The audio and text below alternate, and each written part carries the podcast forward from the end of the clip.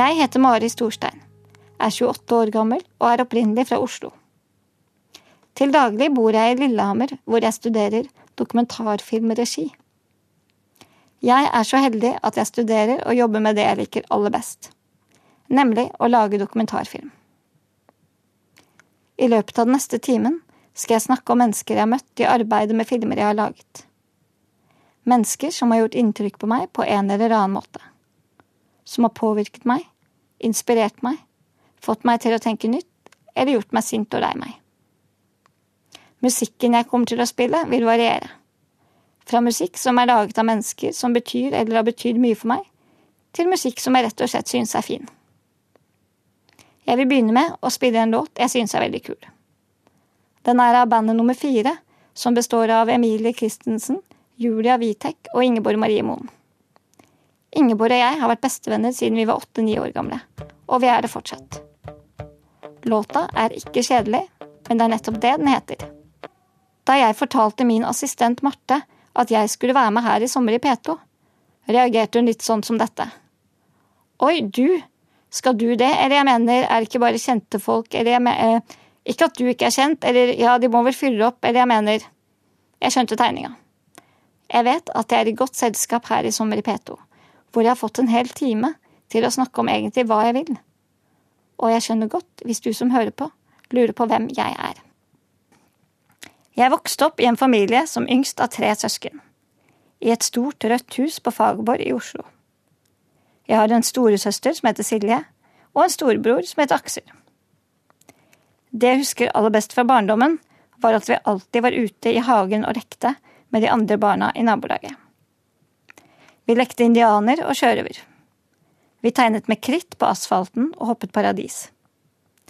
Jeg husker at det store treet i hagen ble dekket av grønne små mark hver vår, og at jeg pleide å rive de små markene i to. Jeg syntes at det var en blanding av ekkelt og gøy. Jeg husker at favorittkjolen min var rosa, med Ariel fra Den lille havfruen på, og at jeg begynte å gråte når jeg måtte ha en jakke over kjolen. For da så man jo ikke hvor fin den var. Jeg husker at vi var i Danmark og på hytta. Jeg husker at vi var og så på Aksel gå på ski, og at Silje og jeg gikk på teaterskole og spilte forestillingen Flyndrefanten. Silje spilte Flyndrefanten, og jeg, jeg spilte Reke. Jeg vet egentlig ikke om jeg har disse minnene, og om jeg husker disse tingene. Eller om jeg tror at jeg husker det fordi pappa alltid filmet alt vi gjorde. Og jeg har sett det igjen og igjen på mammas gamle VHS-bilder. Vi bodde sammen med mamma og pappa til jeg var seks år. Da ble de skilt. Vi ble boende hos mamma og var annenhver helg hos pappa. Jeg kan vel si at vi var en ganske vanlig familie. Men det som kanskje var litt annerledes med vår familie, var at da Silje og Aksel løp rundt i hagen og lekte cowboy og indianer, så kjørte jeg etter, i min elektriske rullestol. Jeg var ett og et halvt år da jeg fikk den aller første. En rød, liten stol med et stort bagasjebrett. Jeg kjørte bare rundt og rundt i ring de første dagene. Et halvt år før jeg fikk den første rullestolen, hadde mamma og pappa fått beskjeden om at jeg aldri kom til å begynne å gå. Jeg har hørt historien tusen ganger. At jeg var litt slapp. Jeg klarte ikke å holde hodet mitt selv og begynte aldri å krabbe. Mamma og pappa dro på helsestasjonen og fikk streng beskjed om at de måtte kjøpe et Brio krabbespeil det skulle få meg til å begynne å krabbe med en eneste gang. Men krabbespeilet hjalp ikke stort. Det slappe hodet mitt var like slapt, og jeg klarte fremdeles ikke å løfte meg opp fra gulvet. Da bestemte mamma og pappa seg for å gå til legen, og fikk da beskjeden om at jeg hadde en muskelsykdom som het spinal muskelatrofi. Den gjorde rett og slett at jeg måtte sitte i rullestol. Men jeg skal ikke snakke så mye om den diagnosen. Jeg har faktisk aldri vært så veldig opptatt av den, og vil ikke at den skal definere meg eller beskrive meg. Folk kan ofte spørre meg sånn Hvordan er det å ikke kunne gå? Det synes jeg er vanskelig å svare på. For for meg har det jo alltid vært sånn. Det er jo liksom det som er vanlig for meg. Jeg er heldig som har en helt fantastisk mamma. Hun har alltid behandlet meg som vennene mine og søsknene mine, og har stilt like krav og forventet det samme av meg som av Silje og Aksel. Hun ser aldri begrensninger i noen ting. Og så har jeg hatt så fine søsken som ikke har gjort noe forskjell på meg. Når jeg for eksempel mobbet Aksel hvis han hadde med seg en jente hjem, så skrudde han av stolen min og spyttet meg i ansiktet. Vi gjorde alltid mange ting sammen. Og en av de tingene vi alle syntes var så gøy, var å filme. Pappa fikk et kamera, og vi lagde små filmer som handlet om alt mulig. Fra musikkvideoer til små kortfilmer. Jeg husker spesielt filmen Mosemettes hevn. Jeg var Mosemette som tar hevn på to mobbere, spilt av søsteren min og en venninne, rett og slett ved å mose dem. Jeg er veldig glad for at vi startet så tidlig med å filme. Jeg får takke mormor og bestefar som ga pappa et kamera i 30-årsdagen. Før jeg ble født, så spilte faren min i et band. De het Boastein og var et undergrunnsband i Oslo. Jeg skal nå spille en sang fra bandet deres som jeg husker så godt fra jeg var liten. Denne låta heter Helium. Det andre året på videregående gikk jeg sammen med venninnen min Katja i gang med mitt i dag største filmprosjekt. Det var å lage Ringenes herre på film. Vel, det var ikke akkurat den Ringenes herre-filmen som kostet 270 millioner dollar å lage, regissert av Peter Jackson. Vår Ringenes herre-film kostet kanskje et par hundre kroner å lage, og var regissert av Katja og meg. Vi ville se om det gikk an å fortelle den samme historien som til da en av tidenes dyreste og største filmproduksjon, uten å bruke en krone. Jeg husker dagen før første opptaksdag, at vi fortsatt manglet en del kostymer. Vi gikk bort til Coliseum kino, der Ringenes herre-fansen så i kø utenfor kinoen for å sikre seg billetter til premieren av To tårn, den andre filmen i Ringenes herre-trilogien. I og rundt teltene satt det hobbiter, trollmenn og alver. Og vi gikk rundt og hørte om vi kunne få låne noe til filmen, og spurte samtidig om de ville være statister. Ringenes herre-fansen var en hyggelig gjeng, og vi fikk låne det vi trengte av hatter, trollmannsstaver, alveører og til og med et Boromir-kostyme som var nesten helt identisk med det i den ekte Ringenes herre-filmen. Den første opptaksdagen var en kald dag i oktober. Vi kjørte til Folkemuseet, og bilen var stappfull av kostymer og kamerautstyr, parker og sminke. Og mamma hadde bakt de deilige bollene sine, nok til ca 15 skuespillere som var med denne dagen. Skuespillerne var mange av de som gikk i klassen vår. Søsteren og broren min og stefaren min var med, og faren til Katja, som jeg lagde filmen med, blant annet. Vi hadde planlagt å filme nesten halve filmen denne dagen, men da vi etter flere timer fortsatt holdt på med dagens første scene, rådsmøte, skjønte vi raskt at det ville ta mye lengre tid å komme i mål. Etter ni måneder, 35 innspillingsdager, opptak på 15 locations og med 15 skuespillere og over 50 statister, kom vi endelig i mål og i juni 2004 viste vi den timelange filmen for full sal på Cinemateket. Når jeg forteller om denne filmen nå, ca. ti år etter at vi lagde den, høres det jo ut som et litt fleipete prosjekt. Men når jeg tenker tilbake på det, så husker jeg at selv om vi syntes det var veldig moro, at vi tok det veldig, veldig på alvor. Der og da var det på en måte det viktigste i hele verden. Du hører på Sommer i P2. Jeg heter Mari Storstein. Jeg har hørt folk si at det å ha en funksjonsnedsettelse er en tragedie, og at det å sitte i rullestol må være en skjebne verre enn døden. Det kan jeg nesten bli litt trist av å høre, for sånn er det jo ikke. Ikke for meg. For meg er ikke det at jeg har en muskelsykdom og sitter i rullestol, et problem i seg selv. Jeg har assistenter som assisterer meg med det jeg ikke klarer selv. Det er noen som møter meg for første gang, som kan tro at assistentene passer på meg, tar meg med rundt og tar ansvar for meg. Men dette stemmer ikke. Jeg har en ordning hvor jeg ansetter og styrer mine egne assistenter. Vi er som en liten bedrift. Jeg har ti assistenter. De er på en måte mine armer og ben. Jeg kan ikke selv holde kaffekoppen opp til munnen. Det gjør assistenten for meg. Siden jeg har assistenter, kan jeg jobbe og studere. Jeg kan bo for meg selv, jeg kan reise. Ja, gjøre de tingene som så mange ser som en selvfølge. Som å ta en øl eller to for mye en fredag kveld, og angre på det dagen etterpå. I en hverdag med assistenter, og hvor jeg gjør de tingene jeg liker å gjøre, både på jobb og på fritiden, så føler jeg meg ikke funksjonshemmet. Men det var ikke bare bare å komme dit.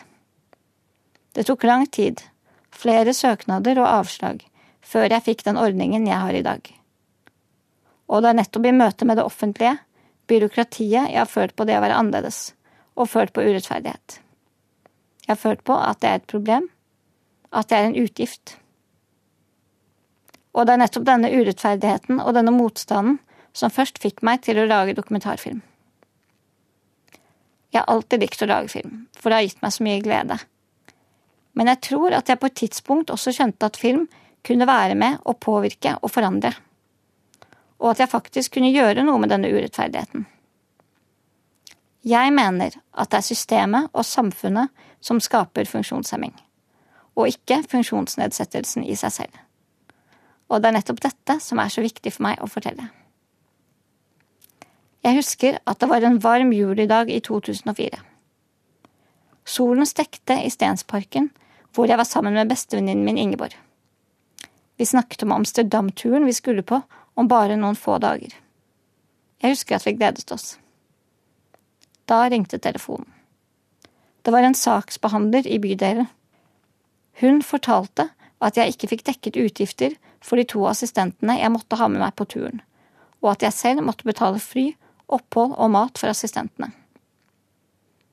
Jeg husker så godt der og da at jeg følte så veldig på denne urettferdigheten. At jeg måtte betale tre ganger så mye for å reise på ferie som Ingeborg. Bare fordi jeg sitter i rullestol.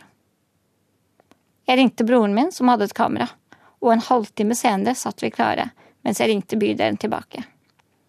Denne gangen med kamera og lydopptak klart. Er det riktig at jeg må betale tre ganger så mye som andre for å reise, spurte jeg. Ja, svarte saksbehandleren. Men hva gjør andre med rullestol i bydelen som skal ut og reise, spurte jeg så. Det er ingen andre med rullestol i bydelen som reiser, svarte saksbehandleren.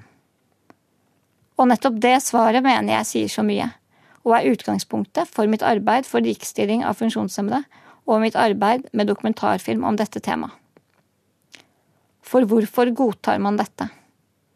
At en gruppe mennesker ikke skal ha de samme mulighetene, de samme rettighetene som andre kun fordi man av en eller annen grunn blir sett på som annerledes. I vår var jeg på en kjempefin konsert i Lillehammer med bandet High As A Kite. Den neste sangen jeg skal spille, er High As A Kite med Hiroshima. De siste årene har jeg vært så heldig at jeg har fått laget flere filmer. Både filmer som har gått på TV, og de siste to årene filmer jeg har laget som student i Lillehammer. Filmen jeg nå skal fortelle om, er eksamensfilmen min fra i fjor høst. Filmen heter Barn som meg og handler om nettopp dette med annerledeshet. Den handler om tre barn som bor på en avlastningsbolig i Lillehammer. Ett av disse barna heter Philip. Philip er syv år, og han blir åtte år i august. Han går i første klasse og elsker å se på at vaskemaskinen går rundt og rundt. Første gang jeg møtte Philip, gjorde han som så mange barn gjør når de ser meg første gang. Han så på meg med store øyne. Men da barn flest kun stirrer litt på avstand, tok Philip steget videre. Han gikk rett bort til meg og klatret opp på rullestolen.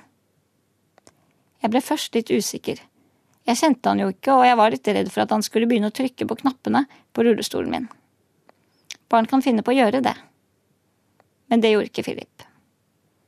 Jeg tror han bare ville hilse på. Det tok ikke lang tid før Philip og jeg fikk en god kontakt. Noen ganger kom han bort og klatret opp på stolen min, andre ganger ga han meg bare et blikk. Det hendte også at han overså meg helt. Det var andre ting som var mer spennende. Philip er nok det mange ser på som annerledes. Noen er faktisk i tvil om at Philip burde leve om at det livet Philip lever, er det vi kaller et verdig liv. Philip har Downs syndrom. I debatten om sorteringssamfunnet og hvilke barn vi skal sette til verden, er det nettopp Philip vi snakker om. I denne debatten mener jeg at menneskene vi snakker om så altfor sjeldent blir hørt. For hva er egentlig et verdig liv? Hvem bestemmer det? Jeg har snakket mye med faren til Philip. Han har fortalt meg at Philip elsker gravemaskiner. At hvis de ser en gravemaskin på veien når de kjører bil, så har ikke faren hjerte til å kjøre forbi. Da må de stoppe opp og gå ut av bilen for å se. Hvis de ser en gravemaskin ved siden av en rundkjøring, må de kjøre flere runder i rundkjøringen. Noe annet Philip elsker å gjøre, er å sitte foran vaskemaskinen og se på klærne som går rundt og rundt. Og høre på den brummende lyden, den gjentagende rytmen som dunker og dunker. Av og til fort og veldig bråkete, plutselig mer rolig og suggererende. Jeg vet ikke hva Philip synes er så fascinerende med vaskemaskinen. Om det er lyden eller vibrasjonene eller fargene som beveger seg rundt, eller alt sammen. Men jeg vet at han liker det, og at det kanskje er noe av det beste han vet. Og da kan det egentlig være det samme med hvorfor. Med filmen Barn som meg ønsket Daniel Marius, som jeg lagde filmen med, og jeg, å konfrontere folk med det vi ser på som annerledes. Vi ville gi disse barna en stemme, og vise at barn er barn, med tanker og drømmer og følelser og mål. Jeg tror. Nei, jeg mener at vi som samfunn må konfronteres med det som er annerledes. At det som er annerledes, egentlig ikke er så farlig. Så lenge man tør å se det, og tør å snakke om det. Sangen vi nå hørte, var Neil Young med Lara Love. Det neste møtet jeg skal fortelle om, er møtet med Tonje. Jeg møtte Tonje da jeg lagde min forrige film, som heter Forestillinger om frihet. Filmen handler om frihet og frykten for å miste friheten sin, og stiller spørsmålet hva er egentlig frihet? Et så stort og grunnleggende spørsmål med like mange svar som det finnes mennesker, mener jeg. For frihet kan jo være alt fra å kunne velge når man skal stå opp om morgenen, til å velge hvor man vil bo. De fleste tar disse tingene som en selvfølge. Det kan egentlig ikke jeg, og det kan ikke Tonje, som er med i filmen. Tonje bor i et brunt hus i Moelv, sammen med mannen Fredrik og datteren Linnea. De har en hage med en trampoline som Linnea pleier å hoppe på. Faren hopper med henne, mens Tonje står ved siden av og ser på og heier. Tonje sitter i rullestol og har assistenter, akkurat som meg. Vi er egentlig ikke så forskjellige, som for eksempel når Tonje og jeg må ta en slurk av et glass vann eller en kopp kaffe eller en øl, så trenger vi et par hender som holder koppen eller glasset opp til munnen vår. Forskjellen er at når jeg får denne assistansen til å gjøre disse hverdagslige tingene, så er ikke det en selvfølge for Tonje. For noen uker siden så fjernet kommunen nesten halvparten av timene hennes med assistanse. Timer hun trenger for å leve det livet hun lever i dag. Timer hun er helt avhengig av for å være mor. Mor for lille Linnea, som for noen uker siden ble fire år. De få timene Tonje nå har fått med assistanse, gjør at hun kun får dekket de mest nødvendige behovene. Hun kan gå på do noen ganger om dagen, hun kan spise et par enkle måltider. I går pratet jeg med Tonje.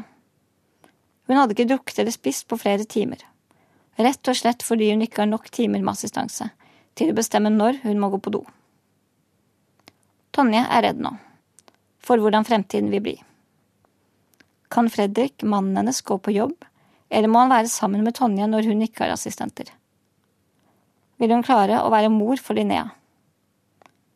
Frem til nå har Tonje vært med Linnea på turn, akkurat som foreldrene til de andre barna. Det er nå usikkert om Tonje kan fortsette å være med på dette. Det har nå gått så langt at Tonje og Fredrik vurderer å flytte fra kommunen. Jeg merker at jeg blir så sint av å snakke om det. Jeg blir sint, og jeg blir lei meg. For jeg synes at det er så urettferdig. Så galt. At bare fordi Tonje, som sitter istedenfor å gå, akkurat som meg, skal straffes for dette. Fordi hun er en av de vi ser på som annerledes. At livet hennes skal deles inn i skjema, hvor hver time av døgnet skal kartlegges. Hvor lang tid hun bruker på å spise, gå på do, være mor. Av kommunen har Tonje fått fire timer assistanse i uka hun kan bruke til fritid. Hun har fått syv og en halv timer assistanse i uka til å være mor. Jeg er ikke mor selv, men jeg vet at det krever mer enn ca. en time om dagen å fylle morsrollen til en fire år gammel jente. Det er Tonje som er moren til Linnea.